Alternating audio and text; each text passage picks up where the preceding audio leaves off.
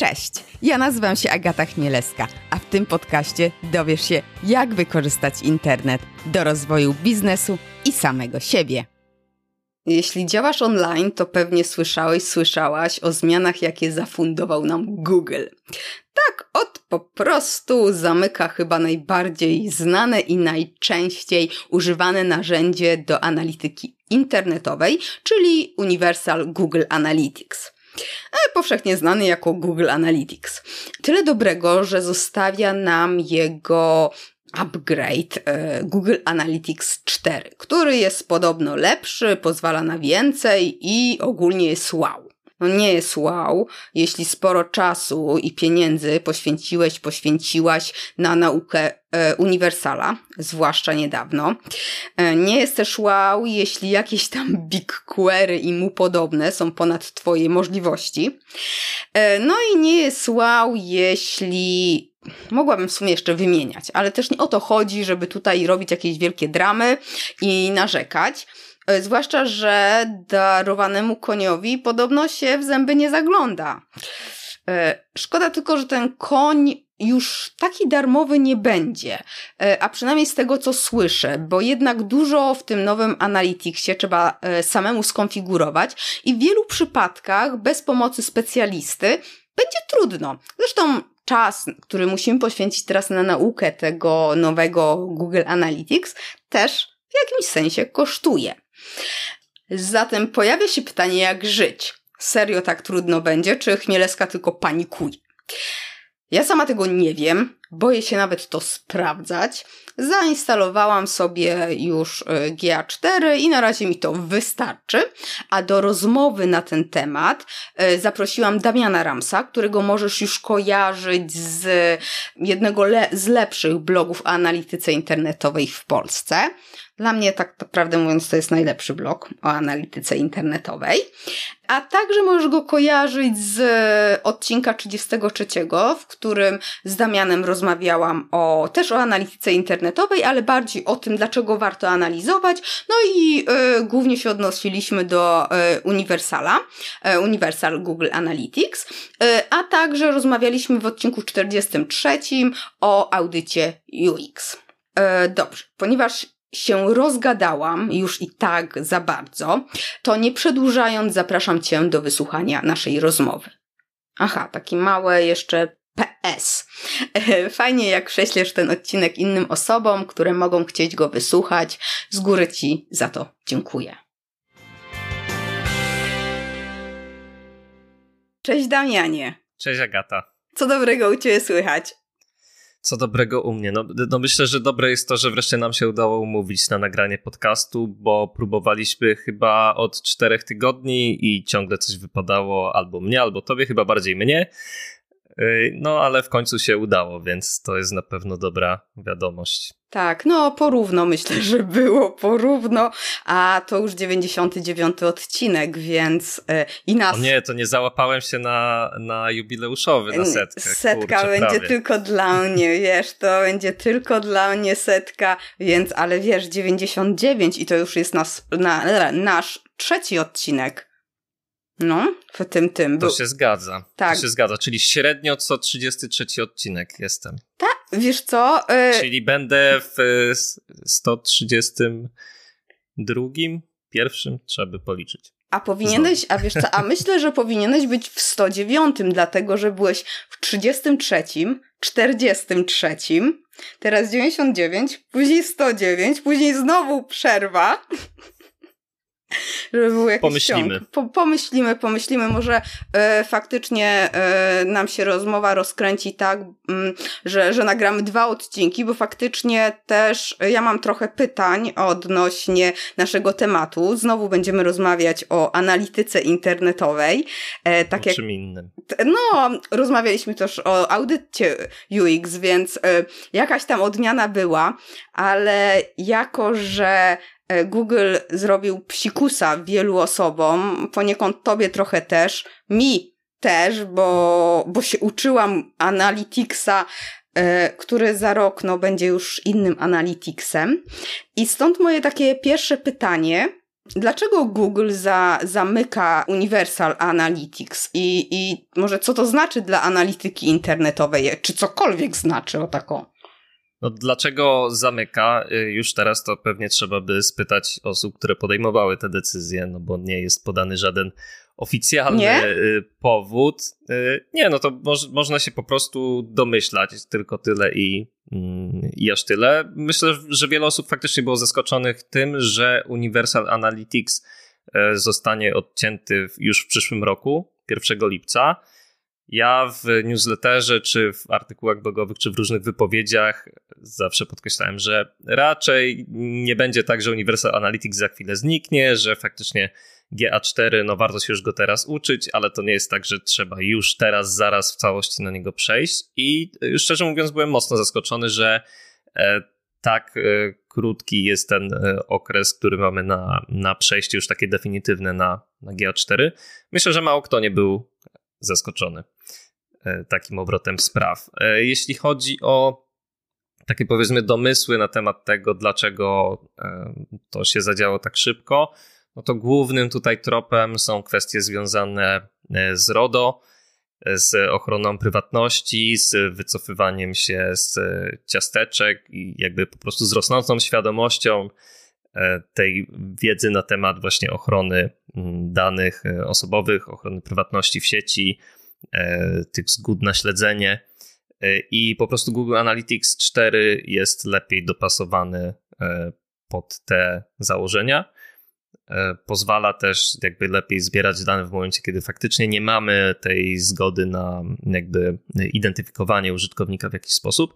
I myślę, że to prawdopodobnie jest taki główny powód, dlaczego tak nagle zdecydowano, że Universal Analytics będzie wyłączony i po prostu wszyscy będą e, poniekąd siłą e, przepchnięci do GA4, no albo do innego narzędzia, jeśli zdecydują się na innego dostawcę analityki, natomiast podejrzewam, że 99,9% e, po prostu wybierze GA4 przy przejściu z Universala teraz w Google Analytics, e, w tym e, obecnym, przecież nie, nie rozpoznajemy, że o, Agata Chmielewska wyszła teraz na stronę. Więc jak to się ma do RODO? Jak obecnie Google Analytics, nie wiem, łamie, czy tam naciąga zasady RODO, że oni faktycznie teraz zmieniają to? No chodzi o to, że y, po prostu powinniśmy uzyskać zgodę od użytkownika na to, że w ogóle możemy śledzić jego interakcje e, na stronie i wykorzystywać do tego jakiś właśnie identyfikator, który też jest umieszczany w tym momencie e, w ciasteczku. E, I faktycznie w momencie, kiedy RODO wchodziło, no to zaczęły się pojawiać te banery z ciasteczkami, czy pytające o zgodę na śledzenie. Oczywiście one do tej pory w praktycznie każdym przypadku, jaki się widzi w sieci, są wdrożone źle, bo nawet jeśli ten banner ma po prostu e, różne zgody, które możemy zaakceptować, wygląda trochę bardziej zaawansowany niż po prostu taki e, banner e, informujący, nawet nie pytający o zgodę, ale informujący, że korzystamy z ciasteczek i możesz sobie po prostu zamknąć ten komunikat i tyle. No, niestety one nie działają dobrze. Mało jest, myślę, stron, które moglibyśmy znaleźć w Polsce, które mają poprawnie E, wdrożone to, to śledzenie zgód, czyli że faktycznie do momentu wyrażenia zgody przez użytkownika nic się nie dzieje pod kątem jego śledzenia. Zazwyczaj to jest tak, że możesz sobie wyklikać te zgody na tym banerze, a śledzenie się dzieje niezależnie od tego. E, więc e, w ten sposób to w tym momencie wygląda. Natomiast widać, że rozpoczyna się taka większa presja na to, żeby jednak zbieranie tych zgód i analityka z tym e, związana po prostu działały tak, jak wymaga tego prawo.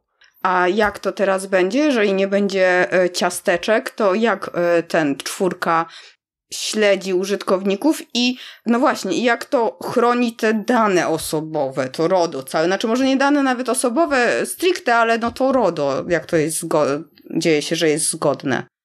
No, widzę, że zaczynamy z wysokiego C tutaj w podcaście, bo zabraliśmy się na start za y, chyba naj, najbardziej zaawansowane tematy, e, jeśli chodzi o właśnie GA4, no i też ten tryb uzyskiwania zgody, czyli tak zwany consent mode. E, w skrócie polega to na tym, że e, jeśli nie mamy wyrażonej przez użytkownika zgody na śledzenie czy też na ciasteczka, i nie możemy w ciasteczku zapisać jego identyfikatora użytkownika, który w Google Analytics ma taki format, że mamy ileś tam cyferek, kropka i dalej jakieś cyferki, tak? To jest ten identyfikator. E, w zasadzie identyfikator przeglądarki, czyli client ID, bo user ID, czyli identyfikator użytkownika to trochę coś innego. E, no ale to w tym momencie powiedzmy e, nie, nie jest istotne. I w momencie, kiedy tej zgody nie mamy i nie ma ciasteczka, nie ma tego identyfikatora, to Google Analytics 4 y, może nadal mierzyć interakcje, które się dzieją na stronie, tylko że one są anonimowe, czyli są właśnie mm, śledzone z poszanowaniem tego braku zgody na, e, na śledzenie, na identyfikację.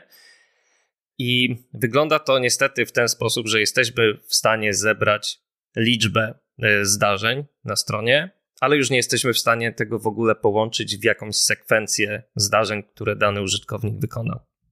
Czyli jeśli ja wejdę na stronę, nie wyrażę zgody na śledzenie i jeśli oczywiście e, wszystko jest zrobione zgodnie z prawem, e, jeśli powiedzmy odwiedzę 5 podstron, następnie dokonam zakupu w sklepie internetowym, E, zakładamy, że przyszedłem e, powiedzmy mm, na stronę główną, później przyszedłem przez kartę produktu e, i tak dalej, taką standardową ścieżką e-commerce'ową.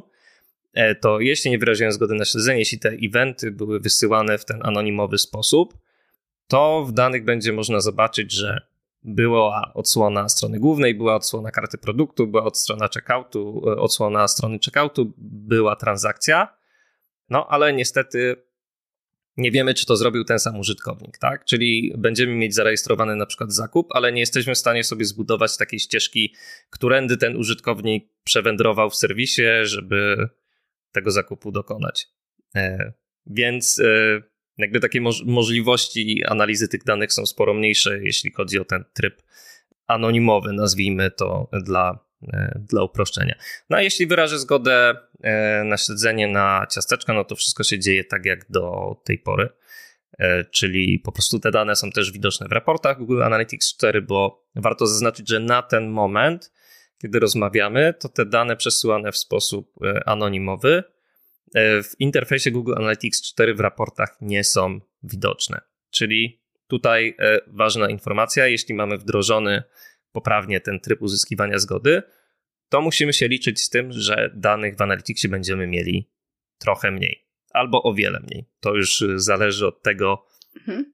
w jaki sposób pewnie jest skonstruowany nasz banner do uzyskiwania zgód, jak łatwo go ominąć, albo jak trudno, bo im trudniej go ominąć, im, im trudniej po prostu e, wybrać domyślnie opcję, że się nie zgadzamy na nic, tym więcej będziemy mieć danych w Analyticsie. To tak w skrócie. Okej, okay, ale jeżeli ja nie wyrażę zgody, to i we, weszłam na stronę z, nie wiem, z Facebooka, to będzie to, że jakiś tam anonim wszedł z Facebooka. Czy, ja, czy tego nie będzie w Analyticsie? W Analyticsie e, nie. E, w tym momencie też te, tego nie ma. Te dane, jeśli mamy Google Analytics 4 połączony z e, BigQuery, czyli z taką hurtownią danych, która jest dostępna w ramach Google Cloud Platform i pozwala nam mieć dostęp do surowych e, danych Analyticsa.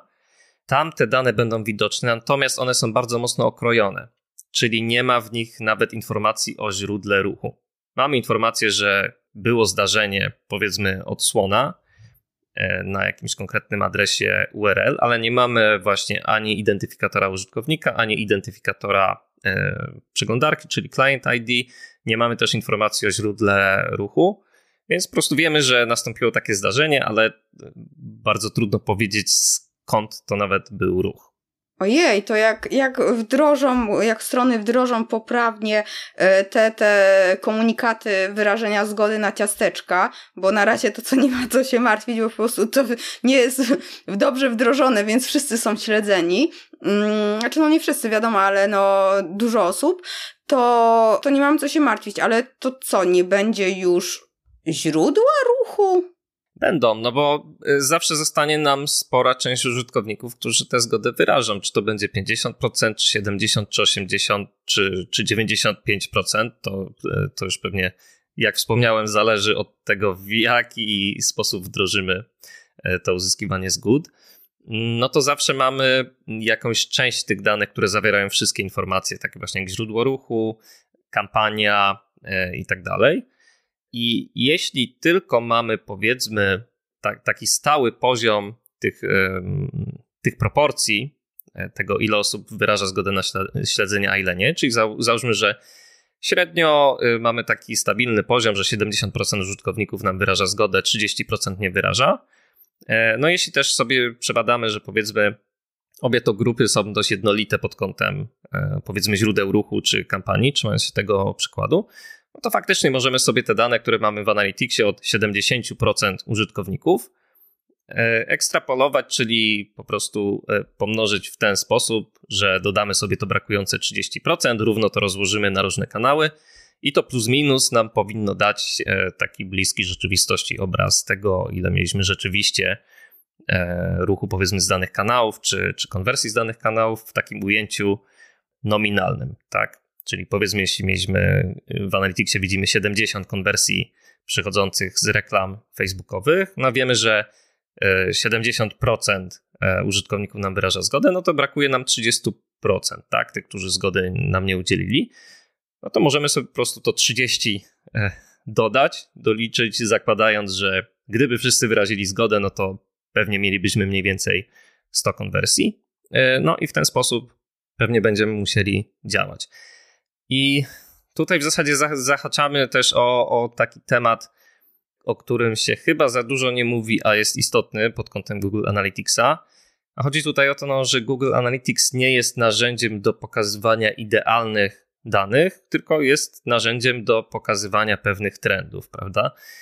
E, pod kątem przychodu firmy czy przychodu sklepu internetowego, e, narzędziem, które nam pokaże idealne dane, jest system księgowy a nie Google Analytics i to tam się robi finalne sprawdzenie tego, o ile zarobiliśmy pieniędzy. Tam też mamy ujęte wszystkie wydatki, no i tam możemy zobaczyć faktycznie, e, jak ten biznes e, idzie. Natomiast jeśli chodzi o Analytics, no to właśnie to jest bardziej narzędzie, które ma nam pokazać pewien trend i czy ważne metryki zmieniają się w dobrym kierunku, czyli czy rosną e, zamiast spadać. A to, czy będziemy mieli właśnie to oparte o 50% danych czy o 70% już ma trochę mniejsze znaczenie, no bo zazwyczaj jeśli ten trend w Analyticsie e, jest korzystny dla nas, no to zazwyczaj ma to też odzwierciedlenie po prostu w tych e, już danych takich dokładnych, mhm. powiedzmy z tego systemu e, księgowego. Dlatego też Myślę, że nie ma sensu się aż nadto przejmować tym, że ok, wdrożymy teraz y, tryb uzyskiwania zgody, to stracimy połowę danych i y, nie będzie sensu ich analizować. To jakby nie jest aż tak straszne pod tym kątem, a jeszcze trochę ratuje sytuację właśnie możliwość zbierania tych anonimowych y, zdarzeń. Więc to, to nam w ogóle pomaga określić, jaki, jakie mamy proporcje E, tych użytkowników, którzy akceptują zgodę na śledzenie i tych, którzy tego nie robią, prawda? Zbierając jakby też te dane e, anonimowe. To będzie jakoś rozdzielone? E, czy tam jest już rozdzielone w Analyticsie, że widzimy w tym GA4 oczywiście, że tylu mamy anonimowych, a tylu mamy, co wyrazili zgodę? Ponownie, w Google Analytics 4 tego nie widzimy, przynajmniej na razie. Tutaj właśnie potrzebne jest połączenie Google Analytics 4 z BigQuery E, co nie jest takie straszne, jak e, ci się może wydawać, bo to polega na założeniu konta w Google Cloud Platform, utworzeniu tam projektu, co też nie jest dużym wyzwaniem, połączeniu tego przez e, interfejs Google Analytics 4, gdzie są to w zasadzie dwa czy trzy kliknięcia. No i te dane już są wtedy automatycznie wysyłane i zachowywane w BigQuery. E, no i później może trochę bardziej skomplikowane jest rozczytanie tych danych, no bo tutaj już potrzebna jest znajomość przynajmniej podstawowa mm, SQL-a, żeby móc napisać po prostu zapytanie do e, tych tabel z danymi i wyciągnąć informacje, które nas interesują. No i faktycznie jedną z takich informacji może być e, wyciągnięcie powiedzmy liczby jakiegoś konkretnego zdarzenia i sprawdzenie, ilu mamy tam użytkowników, dla których mamy ten identyfikator a ilu mamy użytkowników, gdzie tego identyfikatora brakuje. Też mamy tam zbierane informacje o tym, jakie zgody były udzielone na, na śledzenie, więc również to jest y, wymiar, po którym możemy zweryfikować ile mamy zdarzeń w każdej z tych dwóch grup, czyli wśród tych, którzy się zgodzili i nie zgodzili na śledzenie. Więc jak widzisz, analityka tutaj zacznie wymagać trochę więcej technicznych umiejętności od nas, jeśli chcemy na przykład takie, takie rzeczy sobie sprawdzić, chociaż E, no być może w interfejsie Google Analytics 4 się pojawią też takie informacje w przyszłości. Tak, tego nie wiem, ale to też jest jakby możliwe. Oby, oby, bo samo BigQuery, SQL, no y, wiesz, to myślę, że dla większości to brzmi strasznie i y, czy te dane, na, czy te y, dane, na które tych użytkowników, którzy wyrazili zgodę, to będą widoczne w GA4 bez tego całego BigQuery, czy też to trzeba będzie stamtąd wyciągać? Tego nie wiem.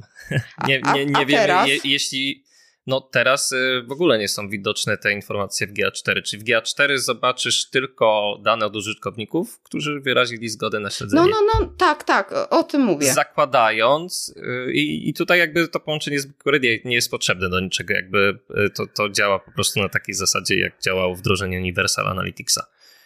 Więc okay. e, nie jest aż tak strasznie. No, nie wiem, bo przyznam szczerze, jak się wchodzi, no bo skonfigurować, włączyć sobie GA4 nie jest trudno, no to, to faktycznie każdy myślę, że może i powinien już zrobić, jeżeli chce zbierać, y, analizować dane i niech się te dane zbierają już. Y, jednak y, no interfejs wygląda inaczej i ja mam wrażenie, że tam jest bardzo pusto. I masz y, poprawne wrażenie, bo jest tam bardzo y, pusto. To zacznijmy może od wątku, który jest y, pilny, e, czyli e, najczęstsze porównanie danych, e, jakie wykonujemy, to jest porównanie z danymi rok do roku, bo to nam zazwyczaj daje taki najlepszy obraz tego, czy jest lepiej, czy jest gorzej. No i teraz, jeśli 1 lipca przejdziemy na Google Analytics 4, upłynie nam lipiec, oczywiście mówię o lipcu przyszłego roku, to jeśli będziemy chcieli te dane porównać właśnie do lipca 2022, to oznacza, że musimy te dane zacząć zbierać już za chwilę, czyli 30 czerwca jest takim granicznym y, terminem, do którego w idealnym świecie wypadałoby mieć wdrożonego Google Analytics 4, żeby móc właśnie za rok mhm. sobie to porównanie rok do roku zrobić. Natomiast e, no, rzeczywistość jest taka, że tych pilnych tematów wszyscy mają bardzo dużo. E, wdrożenie GA4 w takim powiedzmy zaawansowanym wariancie, gdzie mamy dużo zdarzeń, dużo wymiarów niestandardowych i tak dalej, zajmuje sporo czasu. Natomiast pamiętajmy, że to nie musi być od razu takie ogromne wdrożenie. Tak? Możemy po prostu zadbać w czerwcu tego roku o podstawy, czyli tak jak powiedziałaś, założyć konto, E, czy też założyć usługę właściwie, e, zainstalować najlepiej przez Google Tag Managera e, ten podstawowy kod śledzący Analyticsa, żeby mierzyć odsłony, mierzyć ruch, żeby te podstawowe metryki się zbierały, a następnie zadbać o to, żeby mierzyć po prostu najważniejsze w zasadzie kilka zdarzeń. No, czyli dla e-commerce'u będzie to sprzedaż, dla strony, która e, generuje lidy. Będzie to oczywiście wypełnianie formularzy kontaktowych, czy też e, odsłonięcie numeru telefonu, skopiowanie e-maila, jakby te interakcje, które świadczą o, mm, o próbie kontaktu. E, czyli wdrażamy tylko te najważniejsze rzeczy na starcie, resztą się nie przejmując, jeśli nie mamy na więcej czasu czy przestrzeni. No i takie podstawowe ustawienie GA4 pewnie w jeden dzień można zrobić. Jeśli ktoś jest płynny w analityce, no to pewnie, pewnie szybciej. E, I to już da nam te właśnie podstawowe, najważniejsze dane e, do tego porównania rok do roku. Więc do, do tego mocno zachęcam, żeby też e, nie, nie odkładać tego na ostatnią chwilę pod kątem tych najważniejszych metryk, prawda? Mhm, mhm. A e, to bez takich zaawansowanych tam wdrożeń i jakichś eventów, nie wiadomo czego robienia, to mm, co mamy, co widzimy, albo czego nie widzimy z takich ważniejszych metryk, no bo mm, wiadomo, no, y, y, współczynnik konwersji, tak, to są takie, no, te sesje, y, co widzimy, a czego nie widzimy, może z tych najważniejszych takich rzeczy. Tak, to tu nawiążę do tego, co powiedziałaś o tym, że y, w interfejsie GA4 jest pusto y, i faktycznie tak jest, bo raportów dostępnych domyślnie, tych standardowych jest bardzo mało w porównaniu z Universal Analyticsem. W GA4 to jest pewnie jakieś kilkanaście raportów. Myślę, że w Universal Analyticsie, gdybyśmy policzyli jeszcze różne widoki, które sobie można przełączyć i tak dalej, to tych raportów było kilkaset e, lekko, więc różnica jest kolosalna. Natomiast to, że tych raportów GA4 jest mniej, nie oznacza, że to narzędzie będzie mniej użyteczne, ponieważ w Universal Analyticsie i tak 95% tych raportów domyślnych pomijaliśmy, no bo zazwyczaj nie były przydatne e, za bardzo. E, więc GA4 poszedł mocniej w kierunku takiej personalizacji, więc e, ten interfejs, ten panel, który mamy po lewej, możemy sobie dostosować do własnych potrzeb i jakieś raporty, które sobie zbudujemy, możemy tam po prostu wrzucić do tego menu. Więc e, możemy mieć właśnie swój spersonalizowany panel w Analyticsie, spersonalizowane menu. Natomiast. Jeżeli, coś... jeżeli umiemy to zrobić, nie? A myślę, że nie jest to jakieś wybitnie trudne. Natomiast to, co jest ważniejsze, to jest sekcja mm, eksplorowanie w Analyticsie 4, gdzie możemy budować raporty niestandardowe. I tu jest duża różnica względem Universal Analyticsa, bo w Universalu w zasadzie te raporty niestandardowe sprowadzały się do budowania tabelek. Mogliśmy tam w zasadzie tylko tabelki y, zrobić, a w Analyticsie 4 już te możliwości są szersze, bo możemy budować lejki, możemy budować tak zwaną ścieżkę użytkownika. I to jest akurat typ raportu, który często wiele osób interesuje, bo on odpowiada na pytanie: OK, ktoś został leadem na stronie, to jaką on w ogóle przeszedł ścieżkę? Czy on przechodził przez bloga, czy może wszedł przez stronę główną, później przeszedł przez bloga i dopiero został leadem? E, to jest taki raport, który pomaga nam sobie zwizualizować, jak użytkownicy rzeczywiście się po tej stronie e, poruszają. I e, to właśnie o, o co zapytałaś, czyli co będziemy mieli w ogóle dostępne w Analyticsie bez tej zaawansowanej konfiguracji, no to właśnie między innymi taki raport, bo tu już wystarczy nam tylko ten podstawowy kod śledzący Analyticsa, który mierzy e, domyślnie odsłony. No a jeśli mamy odsłony poszczególnych podstron, no to już na tej podstawie Analytics jest w stanie nam zbudować taką ścieżkę e, użytkownika. Więc spora wartość za nie, niewiele pewnie włożonej pracy w instalację takiego podstawowego kodu przez Tag Managera. Okej, okay, uśmiechnęłam się tak mocniej, e, dlatego że myślałam, że powiesz tam, jak mówili, że będziemy potrzebować tylko i mówię, zaraz wyskoczy BigQuery, SQL i jeszcze coś innego. Na szczęście nie, dziękuję. Google Analytics. Bo to, to naprawdę, no wiadomo, dla, dla, dla, wszystko jest do nauczenia się, ale nie, nie każdy może się wszystkiego nauczyć.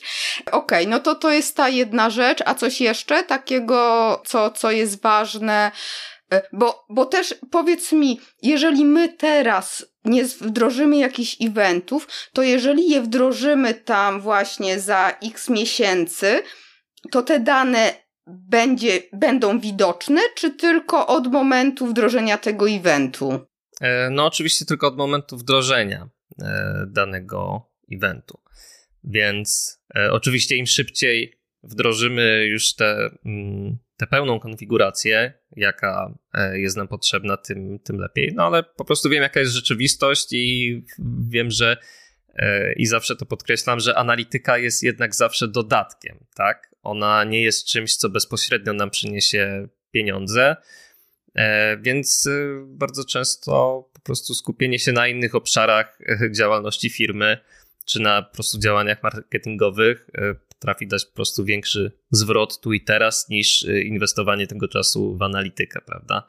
Dlatego też no jestem świadom tego, że to wdrożenie Analyticsa 4 pewnie nie jest, nie jest na pierwszym planie w wielu firmach, dlatego chciałem pokazać sposób, sposób czy podejście, dzięki któremu no, inwestując y, tylko trochę tego czasu czy, czy zasobów, jeśli chcemy, za, czy pieniędzy, jeśli chcemy zatrudnić kogoś, kto nam tego Analyticsa 4 wdroży, to w krótkim czasie, stosunkowo krótkim czasie można mieć przynajmniej te podstawy. I to już, to już jest y, to już jest sporo, no bo wtedy widzimy powiedzmy ten początek i koniec interakcji użytkownika z naszą stroną czyli wiemy, ile mieliśmy ruchu, wiemy z jakich kanałów, no i na końcu wiemy, ile mieliśmy konwersji, tak? No być może nie widzimy aż tak dokładnie tego, co się dzieje pomiędzy, no ale przynajmniej mamy te, te kluczowe e, dwie rzeczy, prawda? Które na koniec dnia nam pokazują, czy jest dobrze, czy, czy nie.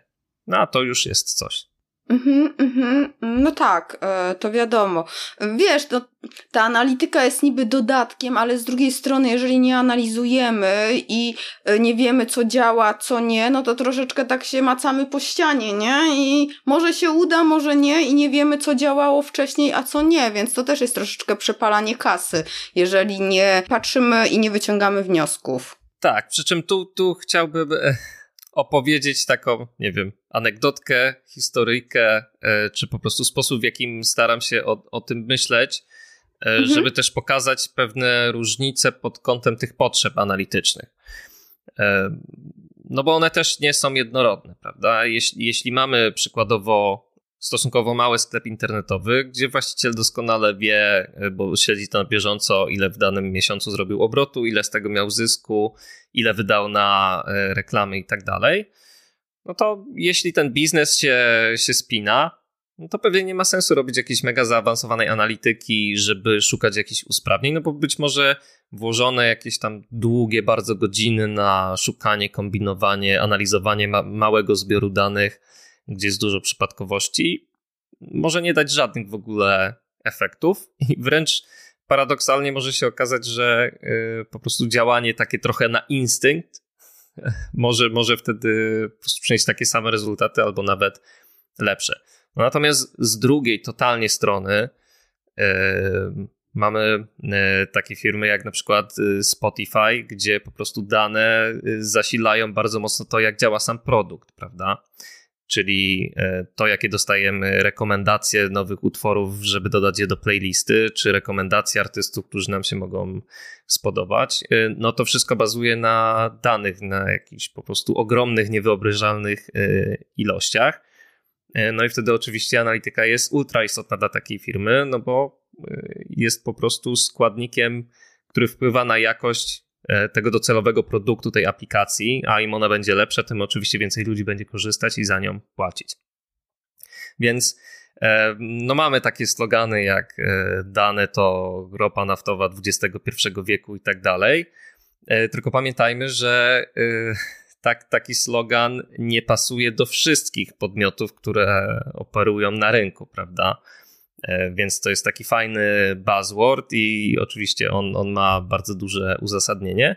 No ale e, pewnie jakbyśmy się przyjrzeli rynkowi e-commerce w Polsce, to pewnie lepiej się w tym orientujesz niż ja, bo, bo ja nie, nie jestem specjalistą typowo od e-commerce'u, ale podejrzewam, że też zasada Pareto ma tutaj zastosowanie, czyli pewnie mamy maksymalnie 20% firm, które faktycznie z takiej bardziej zaawansowanej analityki mogłyby wyciągnąć realne korzyści, na 80% firm, no to fajnie by było zobaczyć, ile mamy ruchu, fajnie by było zobaczyć, ile mamy sprzedaży, natomiast e, pewnie jakieś super zaawansowane analizy, ślęczenie nad tymi danymi, których jest mało, niewiele, niewiele dadzą, bo w momencie, kiedy powiedzmy mamy różne kampanie facebookowe, czy e, różne jakby produkty w sklepie, mamy nie wiem, kilkaset SKU i ta sprzedaż nam się rozkłada tak, że najpopularniejszy produkt ma tam powiedzmy e, no 10% wszystkich transakcji, jest kilka produktów, które mają dużo zakupów, ale większość to są po prostu jeden zakup, dwa zakupy, trzy zakupy w ciągu miesiąca i podobnie to wygląda w jakichś kampaniach czy, czy słowach kluczowych, gdzie jest po prostu rozbite na bardzo małe liczby przypisane do poszczególnych kampanii, no to trudno tutaj wyciągać jakiekolwiek wnioski, prawda? I szkoda poświęcać czas na to, żeby się zakopywać jakieś takie szczegóły, z których e, niewiele wyciągniemy, nie jesteśmy w stanie nawet jakoś e, dobrze zweryfikować różnic właśnie po, po wdrożeniu jakichś działań. Więc jakby kończąc ten punkt, takie podsumowanie, że pamiętajmy, że te potrzeby związane z analityką nie są jednorodne i, i trzeba mieć tego, tego świadomość. Tak, tak, no, no wiadomo, to jest Trzeba robić tyle, ile faktycznie nam e, jest potrzebne, a nie na wyrost, bo też nie ma sensu na przykład śledzić każdego zachowania użytkownika, wszędzie wpinać eventy, jeżeli to nam jest zupełnie niepotrzebne, a i tak na to nie będziemy patrzeć, bo też trzeba mieć świadomość na to, że ktoś musi analizować później te dane i na to e, je sprawdzać i wyciągać wnioski, więc to ta zasada pary to jak najbardziej. No właśnie, a... przepraszam, że ci przerwę, mm -hmm. ale miała być, miała być historyjka porównania, o której w końcu no zapomniałem. Właśnie. jak o tym myślałem ostatnio, to doszedłem do takiego wniosku, że jeśli jesteśmy chorzy na coś, to jeśli mamy przeziębienie, no to jakieś analizy i badania, y, chodzenie do lekarza, żeby nam zrobił badanie X, Y, Z nie jest potrzebne. Po prostu wiemy, co mamy robić. Jest to na tyle jakby oczywiste, albo po prostu instynktownie, co nam pomaga, prawda? I to jest taka sytuacja, w której jakby powiedzmy, można to porównać do y, biznesu, gdzie właściciel, y, czy osoba prowadząca ten biznes E, widzi po prostu, ok, to się sprzedaje, to się nie sprzedaje, bo widzę, że mi schodzi e, z magazynu, bo to monitoruję na co dzień, no to ok, zamówię więcej takiego towaru, albo tu gdzieś widziałem, że u kogoś sprzedaje się też to, no to też spróbuję wejść w tego typu produkty e, i można działać bez zaglądania do Analyticsa, prawda? Ale z drugiej strony, jeśli E, wracając do e, kwestii zdrowotnych, jeśli jesteśmy na coś chorzy, co daje takie niejednoznaczne objawy, nie wiadomo do końca, co nam jest, nie jest takie oczywiste, no to już wtedy seria badań u lekarza e, jest jak najbardziej wskazana, prawda? I jakby dobranie takiej, takich leków czy takich zabiegów, które faktycznie trafią w ten konkretny problem i które nam nie zaszkodzą, prawda? Bo wtedy, jeśli nie wiemy do końca, co nam dolega, będziemy próbować na różne sposoby, przeróżnymi jakimiś lekami czy, czy zabiegami, to możemy sobie więcej krzywdy zrobić niż mieć z tego pożytku. No i to można przełożyć na taką sytuację, gdzie faktycznie biznes jest sporo większy. E, produkty idą w kilkanaście, kilkadziesiąt tysięcy różnych w ogóle SKU też mamy jakby o wiele, wiele, wiele większe wydatki na pozyskiwanie ruchu e, i jest to sytuacja, w której no nie da się po prostu ogarnąć tego w ten sposób, że okej, okay, z codziennej pracy po prostu widzę, co się dzieje i wiem, co zrobić. Tak, no wtedy już potrzebne są właśnie dane, które nam pokażą czarno na białym, co działa, co nie działa, gdzie teoretycznie możemy tracić pieniądze, bo inwestujemy w jakieś kanały, które nie przynoszą nam zwrotu z tej inwestycji, gdzie być może y, inwestujemy pieniądze w reklamę, która prowadzi na produkty, które się nie sprzedają, albo y, nie mamy na nich marży, bo są za tanie i tak dalej. Tak, no to, to już jakby można mnożyć przykłady różnych jakichś tam scenariuszy dotyczących nawet konkretnych właśnie kategorii, podkategorii produktów, jakichś typów klientów i tak dalej. Natomiast to ma, to ma sens w momencie i ta analityka nas wspiera w momencie, kiedy już nie jest możliwe takie działanie instynktowne właśnie na zasadzie wydaje mi się albo czuję, że jak zrobię to i tamto, no to będzie, będzie lepiej. Mhm. E, tak, i też chyba nawet jak e, ten biznes jest średni, ale załóżmy widzimy, że kurczę, leci łeb na szyję konwersja i no wtedy też dobrze jest spojrzeć na analityki, czy to nie jest wina czegoś na, na stronie, nie? Bo tam chyba y, tak no, najszybciej można y, wykryć jakieś błędy, gdzie jest załóżmy y, najwięcej porzuceń tego koszyka przed testowaniem takim faktycznie sobie w sklepie te, te, tych zakupów. Tak, no jeśli trzymamy się e-commerce'u, to, to zawsze warto monitorować, czyli ten lejek sprzedażowy, czyli wizyty ogólnie, później wizyty, które dotarły do karty produktu, dodania do koszyka, wejście właśnie do, do checkoutu. E, idealnie też z rozbiciem na jakieś kolejne etapy w tym checkoutie, jeśli takie mamy. No i finalnie transakcje. No i monitorujemy ten lejek, jeśli widzimy, że wszystko jest stabilnie, no to jest ok, no ale jeśli faktycznie pewnego pięknego dnia czy tygodnia widzimy spadki, sprzedaży, no to dzięki takiemu lejkowi możemy sprawdzić, czy być może to się nie dzieje na jakimś konkretnym kroku, prawda? No i powiedzmy, dzieje się to w checkoutie. Jeśli jeszcze mamy to dokładnie zmierzone, to widzimy, że dzieje się na etapie płatności, no to wtedy od razu mamy sygnał, gdzie, gdzie szukać, tak? Być może są jakieś problemy z konkretną formą płatności, które musimy rozwiązać, a które jeszcze do nas nie, nie dotarły, nie zostały zgłoszone. Ciekawym przykładem też jest to, że mm, Analytics pomaga e, w śledzeniu takich błędów, które nie zawsze są wyłapywane e, przez e, pracowników, czyli powiedzmy mamy błędy 404, tak? Kierujemy kampanię na jakiś adres URL, ktoś inny go zmienił, no bo aktualizował stronę, coś przestawił i tak dalej.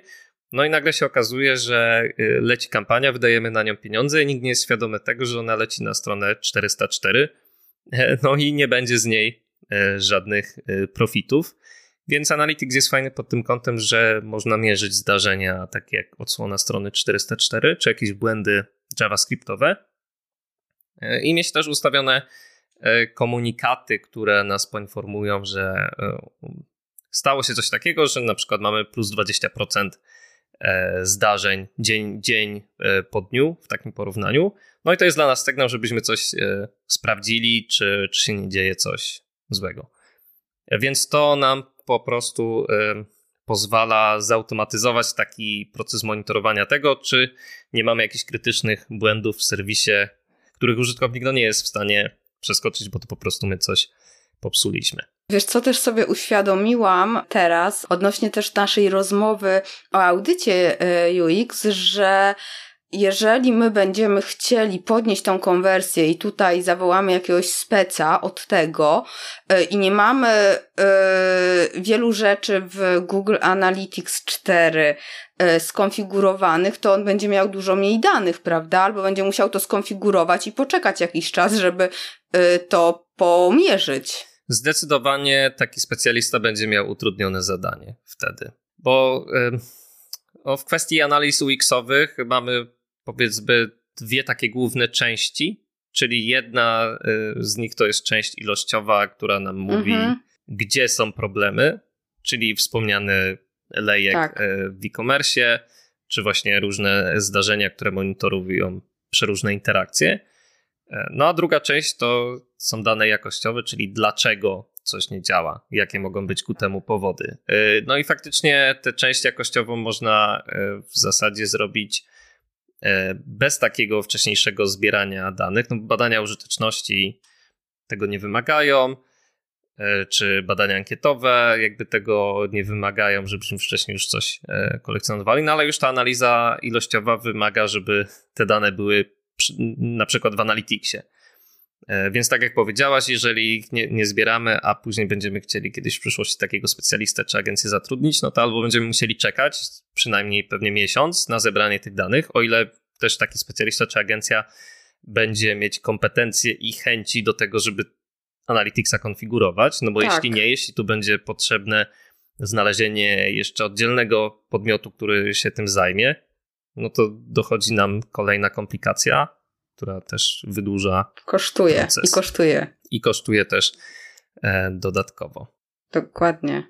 A powiedz mi, bo ja e, zauważyłam jak ostatni raz tam zaglądałam, mogło to się zmienić. Faktycznie nie zrobiłam e, dzisiaj sprawdzenia ponownego GA4, ale nie zauważyłam e, filtrowania wyników. Czy tego nie będzie, czy znowu te całe big query wchodzi? Ale chodzi ci o e, filtry, które e... były w widokach Universal Analytics, w stylu tak, filtry, tak, które tak. się wykorzystywało, żeby odfiltrować IP wewnętrzne, spamboty i inne takie rzeczy. E, czy chodzi o filtry w raportach, czyli masz tabelkę Nie, z danymi? Nie, w, raport, w, w raportach, w raportach, e, tabelka z danymi. Są takie filtry, tylko w tych raportach standardowych one są uproszczone, czyli na przykład nie można korzystać chociażby z wyrażeń regularnych. O, no, o ile mhm. coś się z, nie zmieniło od momentu, kiedy ostatnio zaglądałem, czyli wczoraj. Natomiast jeśli chodzi o te raporty z sekcji eksplorowanie, E, czyli te raporty niestandardowe, no to tam tak. już mamy e, dobre możliwości filtrowania e, tego, co nam się w tabeli okay. czy w innym typie raportu wyświetla. Więc okay. spokojnie, to jest. Właśnie większym problemem w tym momencie jest brak filtrów, które w Universal Analytics były na poziomie widoku i, i pozwalały nam przefiltrować to, co się w ogóle dostaje do, do Analyticsa i jest ta funkcjonalność, natomiast ona jest ograniczona tam chyba do jednego czy dwóch typów filtrów w tym momencie, więc możemy sobie tam IP jakieś odfiltrować, ale no nie możemy tych filtrów wykorzystać na przykład do tego, żeby tylko dane z danego e, katalogu na stronie się zbierały w danej e, usłudze Analyticsa. Czyli tak jak w Universalu mogliśmy e, po prostu zdefiniować sobie widok, gdzie ustawialiśmy filtr, pokaż mi tutaj tylko widok z bloga, czyli z katalogu kośnik blog i cokolwiek tam może być dalej. No tak teraz w GA4 takiej opcji nie mamy w, w takim samym wydaniu. E, oczywiście można też osiągnąć e, podobny efekt, no tylko trzeba inaczej pokombinować. Okej. Okay. Więc to, to są też e, zmiany w GA4, do których trzeba się będzie przyzwyczaić, żeby osiągnąć czasem identyczny cel, jaki, jaki znamy z Universal Analyticsa, trzeba wykorzystać inne metody. No i też nie wiemy, wiesz, jeszcze jest rok, oni mogą dużo rzeczy wdrożyć, prawda? I, i dodać, czy nie? Myślisz? E, oczywiście, no jakby to narzędzie e, będzie się zmieniać. Myślę, że będzie coraz e, lepsze. W rok ciężko mi powiedzieć, ile się zmieni, no ale podejrzewam, że to się nie skończy na najbliższym roku, jeśli chodzi o zmiany, tylko że ten proces będzie trwał też w kolejnych latach. Żyję taką nadzieją. Więc tak, no jakby to, o czym rozmawiamy dzisiaj, no to jest stan narzędzia na dzień dzisiejszy, prawda? I może się okazać, że za miesiąc to narzekanie na brak filtrów już będzie przeterminowane, no bo będziemy mieli e, jakby szersze możliwości pod tym kątem. Tak, tak. No, no właśnie, i to jest tak, że dzisiaj jest 29 maja i, i w sumie nie wiadomo, za dwa tygodnie podcast się ukaże, a może być zupełnie inaczej. A na Twoim blogu znalazłam takie zdanie, sobie przeczytam, że w GA4 w bezpłatnej wersji a, w GA4 w bezpłatnej wersji oferuje typy raportów, które w tym poprzedniej wersji, czyli obecnej Uniwersalu, były dostępne wyłącznie w płatnym wariancie narzędzia. E, czyli, że co, to nie chce już e, Google na nas zarabiać i załóżmy nie będzie w ogóle tej płatnej wersji, czy yy, czy chce nas jakoś udobruchać. Będzie, tylko to nie można tego rozpatrywać w tych, w tych kategoriach, że Google nie chce już na nas zarabiać, bo to y, te, te typy raportów. On i tak zarabia, nie?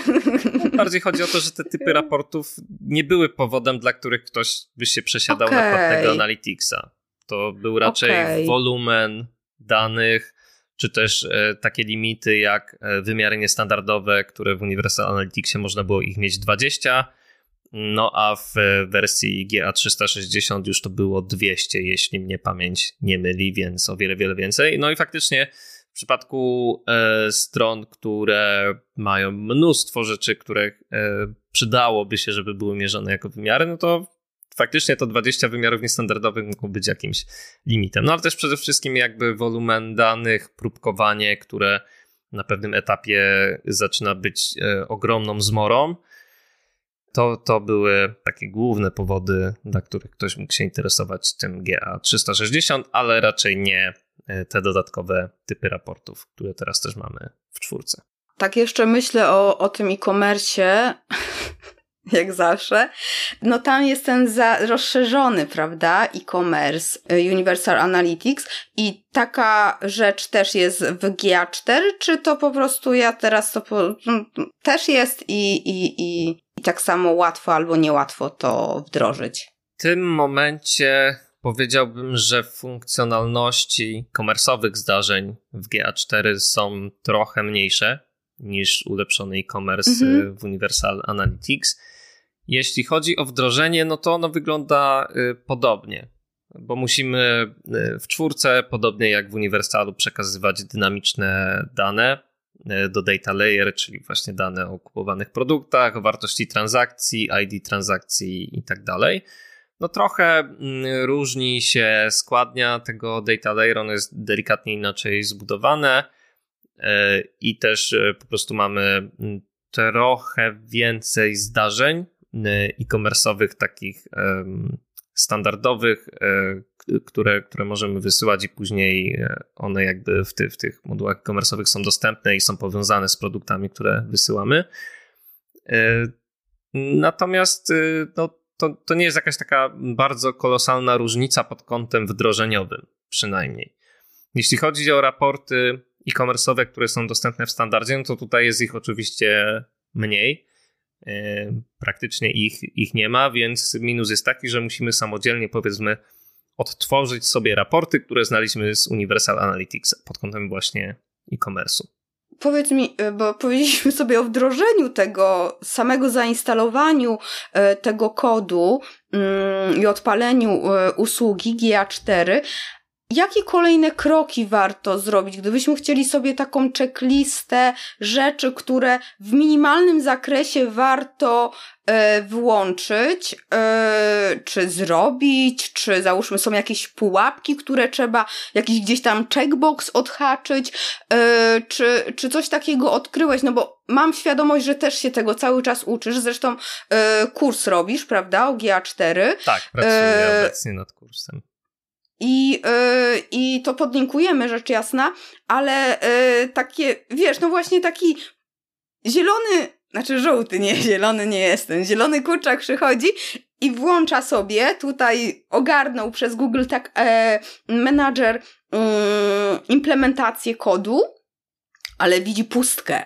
I teraz e, co zrobić, żeby ta pustka nie była taka, no, no, z doświadczenia twojego, e, co, co, co zrobić najpierw?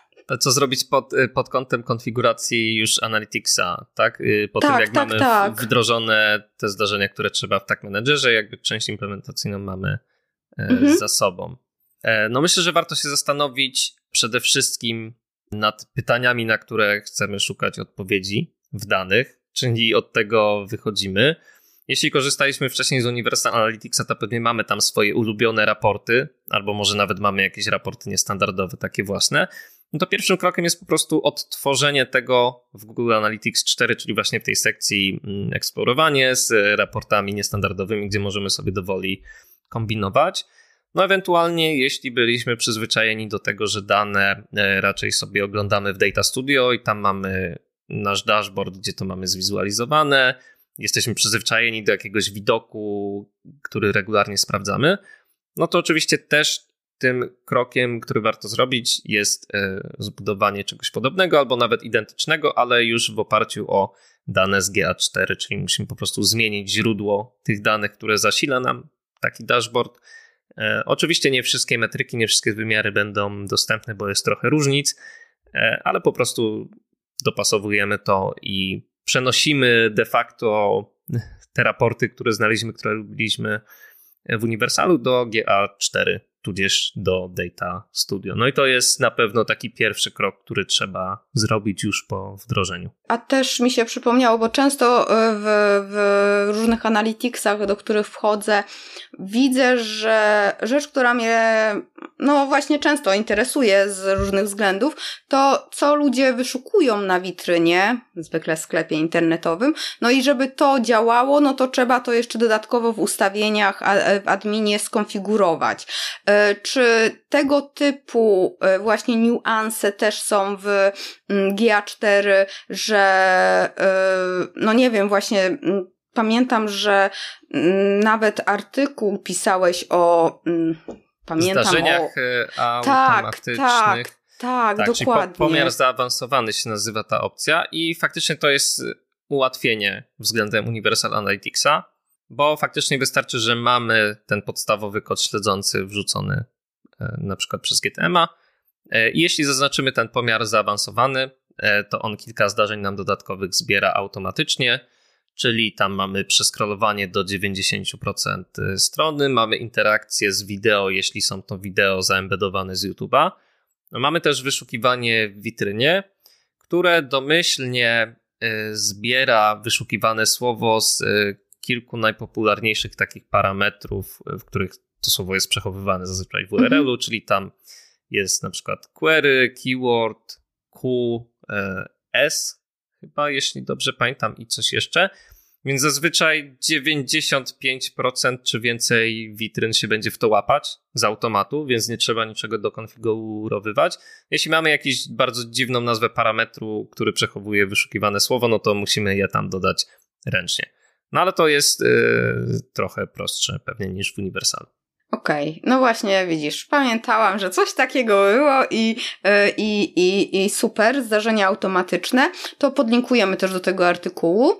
Jak najbardziej.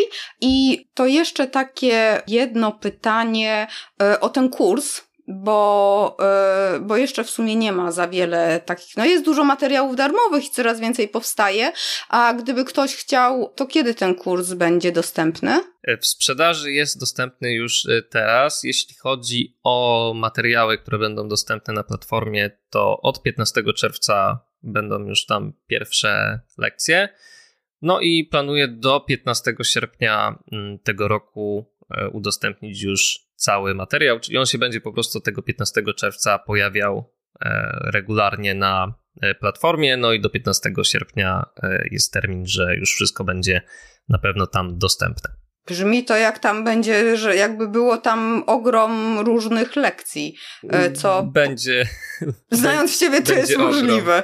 E, będzie, będzie ogrom e, również dlatego, że poza jakby samym Analyticsem 4 i kwestiami implementacji tego, jak tam sobie budować raporty, to chcę też poruszyć aspekty trochę szerzej związane z analityką, czyli to, co powinno się dziać jeszcze przed tym, przed zabraniem się za implementację jakąś większą, czy przed zabraniem się za analizę danych, czyli zastanowienie się, co jest ważne dla firmy, jakie są ważne mm, metryki, czy, mm, czy kluczowe wskaźniki efektywności, co chcemy mierzyć, po co, czy chcemy mieć cotygodniowe spotkania, czy też jakieś comiesięczne, gdzie będziemy patrzeć na dane, jeśli tak, to na jakie dane, żeby jednak najpierw się nad tym zastanowić, żeby nie popaść później właśnie w taki tryb E, wdrażamy wszystko, co się da, no bo wszystko być może się przyda. No a później zazwyczaj 90% tych danych do niczego nie jest e, potrzebnych, więc też mocny nacisk chcę położyć na, mm,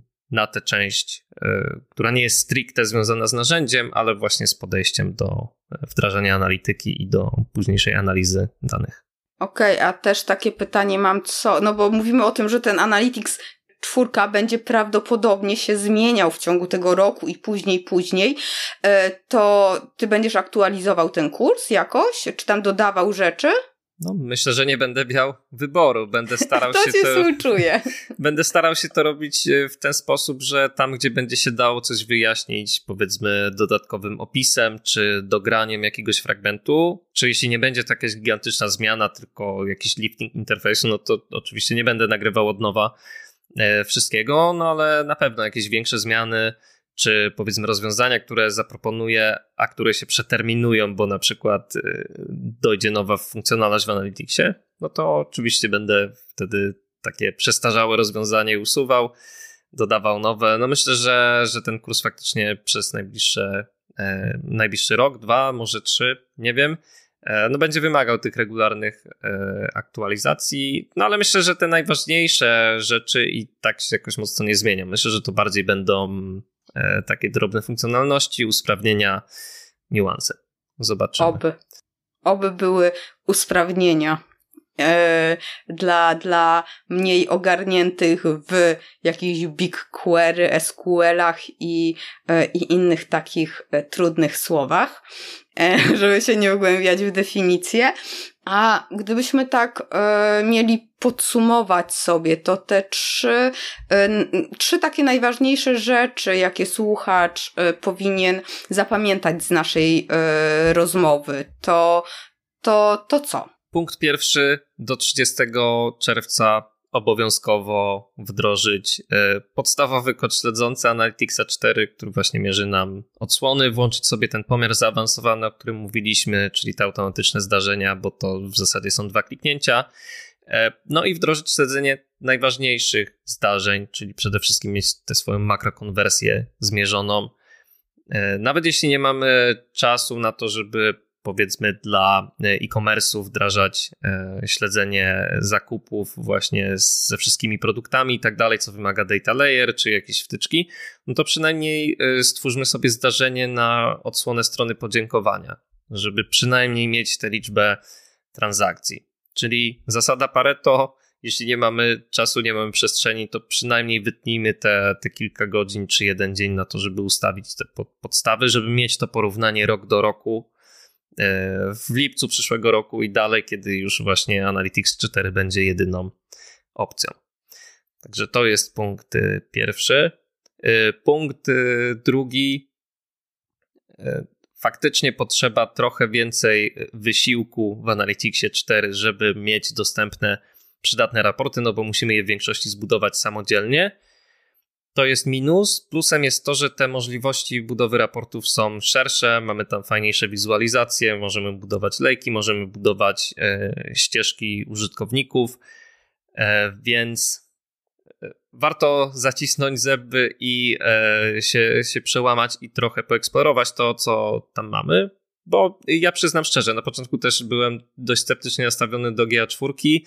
E, trzymałem się bardzo mocno Universal Analyticsa Natomiast w momencie, kiedy już się oswoiłem z tym narzędziem, posiedziałem przy nim troszkę dłużej, no to też się do niego przekonałem. Więc myślę, że taki scenariusz jest do, do powtórzenia e, u, u każdego. E, a naprawdę te możliwości nowych raportów są, e, są fajne i powtarzam, tu nie, nie trzeba umieć SQL i BigQuery, żeby z tych właśnie raportów w sekcji eksplorowanie korzystać. Spokojnie, to jest wszystko interfejs taki wizualny, w, przeglądarce dość wygodny, więc tutaj na pewno warto tym się zainteresować. Okej, okay, e, yy, dobra. I Zaraz, punkt, dwa punkty. No właśnie, punkty, trzeci. Jeszcze trzeci. No. Okej. Okay. E, punkt trzeci. No być może on się wiąże trochę z punktem y, pierwszym, ale trzymałbym się tego, żeby nie przesadzić z, mm, z tym poziomem skomplikowania wdrożenia bo e, Google Analytics 4 jakby mocniej stawia na te personalizacje i, i właśnie opisywanie też zdarzeń różnymi e, wymiarami, e, których możemy dodać tam sporo. Warto się trzymać przede wszystkim tych najważniejszych metryk, najważniejszych wymiarów, które potrzebujemy na sam początek. To wtedy też przejście na GA4 będzie mniej przerażające, bo po prostu zrobimy to stopniowo, zaczniemy od najważniejszych rzeczy, później e, możemy sobie przecież dokładać jakby e, kolejne zdarzenia, kolejne wymiary, jeśli będziemy widzieć w tym sens i jeśli będziemy czuli, że jest to potrzebne, żeby działać skuteczniej. Dobrze. Dobrze, że zapytałam Cię o te trzy punkty, bo mnie ten drugi punkt bardzo uspokoił, że w sekcji eksplorowanie wiele możemy znaleźć i nie trzeba aż tak e, to z tym BigQuery i SQL-em, jeżeli, jeżeli nie mamy dużych potrzeb analitycznych. Może, może dodam jeszcze punkt czwarty. On powinien pewnie być e, punktem trzecim. Powiedzmy, że punkt trzeci trochę powiążemy z pierwszym, więc jest przestrzeń na jeszcze jeden e, Pozytywnie można się zaskoczyć szybkością działania y, GA4. Szybkością to raz, ale dwa też tym, że faktycznie dane nam się wyświetlają, bo w Universal Analyticsie, kiedy dojdziemy do y, pewnego poziomu i mamy powiedzmy 200 tysięcy sesji miesięcznie, dużo różnych zdarzeń i chcemy sobie nałożyć segment i dodać wymiar dodatkowy w raporcie. Ja to widzę teraz nagminnie, że raporty przeładowują się minutę, dwie i na końcu wyrzucają błąd. I z pięciu prób, cztery próby kończą się tym, że nawet nie jesteśmy w stanie wyświetlić tych danych. Jest to potwornie frustrujące, natomiast w Analyticsie 4 działa to już o wiele lepiej. E, I obok mamy jeszcze problem próbkowania, czyli jeśli mamy dużo danych w Universal Analytics, to można zauważyć tam u góry, e, mniej więcej po lewej, znajduje się taka ikona tarczy. Jak ona nam zmieni kolor z zielonego na pomarańczowy, to już oznacza, że włączyło się próbkowanie, czyli że dane, które widzimy w raporcie, e, to są dane, które są estymowane z jakiejś części tych rzeczywistych danych. Czyli Analytics wziął sobie na przykład 30% prawdziwych danych i to nam po prostu ekstrapolował e, i mm, to, co widzimy, niekoniecznie jest zgodne z rzeczywistością i potrafi pokazać nam czasem e, głupoty. No i to też właśnie był, była bolączka Universal Analyticsa przy większych zbiorach danych. W GA4, jeśli chodzi o raporty standardowe, próbkowania w ogóle nie ma, czyli zawsze widzimy te, te właściwe dane w 100%, e, a w raportach niestandardowych ten próg w którym się to próbkowanie włącza, też jest o wiele wyżej. Więc to jest kolejna taka zaleta i myślę, że za, zachęta do tego, żeby e, na GA4 przejść e, szybciej. Okay. Zwłaszcza jeśli ktoś po prostu czuje, że jest to dla niego uciążliwe w Universal Analyticsie, raporty się długo ładują, powodują błędy zamiast wyświetlić tabelę z danymi, to faktycznie można poczuć ulgę po przejściu na GA4 pod tym kątem. No to tak, to pod, No to chyba każdy potwierdzi, że faktycznie jak chcemy większy zakres dat, czy coś tam bardziej wymagające dane, to, to ładowanie trwa bardzo długo. Super, ja Ci bardzo dziękuję za, za naszą rozmowę. Oczywiście podlinkuję do artykułów, jak wdrożyć. Tam coraz więcej powstaje. Widzę, że idziesz jak burza z tworzeniem treści. E, I, i też podlinkujemy do mm, kursu. Jakby ktoś chciał, to ja bardzo zachęcam. Pozostaje mi życzyć Ci produktywnej i pełnej odpoczynku e, niedzieli, bo domyślam się, że masz teraz dużo, dużo do roboty. Tak, tak. No jest to intensywny okres e, na pewno, no bo dużo się w tej analityce e, zmienia. Też spodziewam się, że w momencie, kiedy wszyscy wrócą z wakacji, czyli jesienią, już faktycznie to widmo wyłączenia Universal Analytics zacznie być coraz bardziej widoczne, więc wtedy pewnie zacznie się intensywny e, okres. No ale tak, teraz już też e, jest, jest sporo pracy, więc dzisiaj postaram się odpocząć przez resztę dnia. Super, dziękuję Ci e, ślicznie i, i do usłyszenia, do zobaczenia. No, dziękuję Ci ogromnie za rozmowę. Do zobaczenia. Pa. Uspokoił mnie. Serio mnie uspokoił.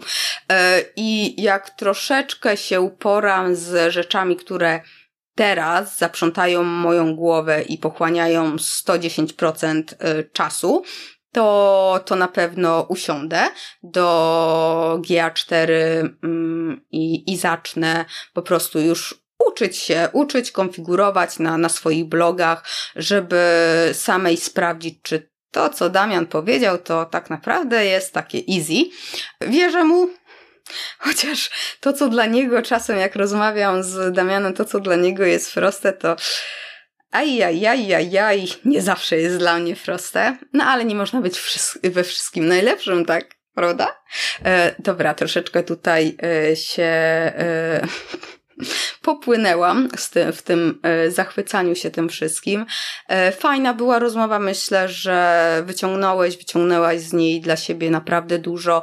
E, ja podlinkuję do artykułów mm, o GA4 na blogu Damiana. Podlinkuję też do jego kursu. Być może będziesz chciał, chciała mm, z niego skorzystać. Robiłam kursy Damiana i są naprawdę wyczesane w, wyczesane w co się mówi? Nie wiem, nie pamiętam. Są bardzo dobre. E, to, to, to polecam jak najbardziej. Wszystkie linki znajdziesz e, na achmieleska.com łamane na 99. E, jeszcze raz będę wdzięczna i proszę o to, żebyś przesłał ten odcinek dalej. Fajna wiedza, niech się niesie w świat, niech inni korzystają. A tymczasem niech uśmiech i konwersja będą z Tobą.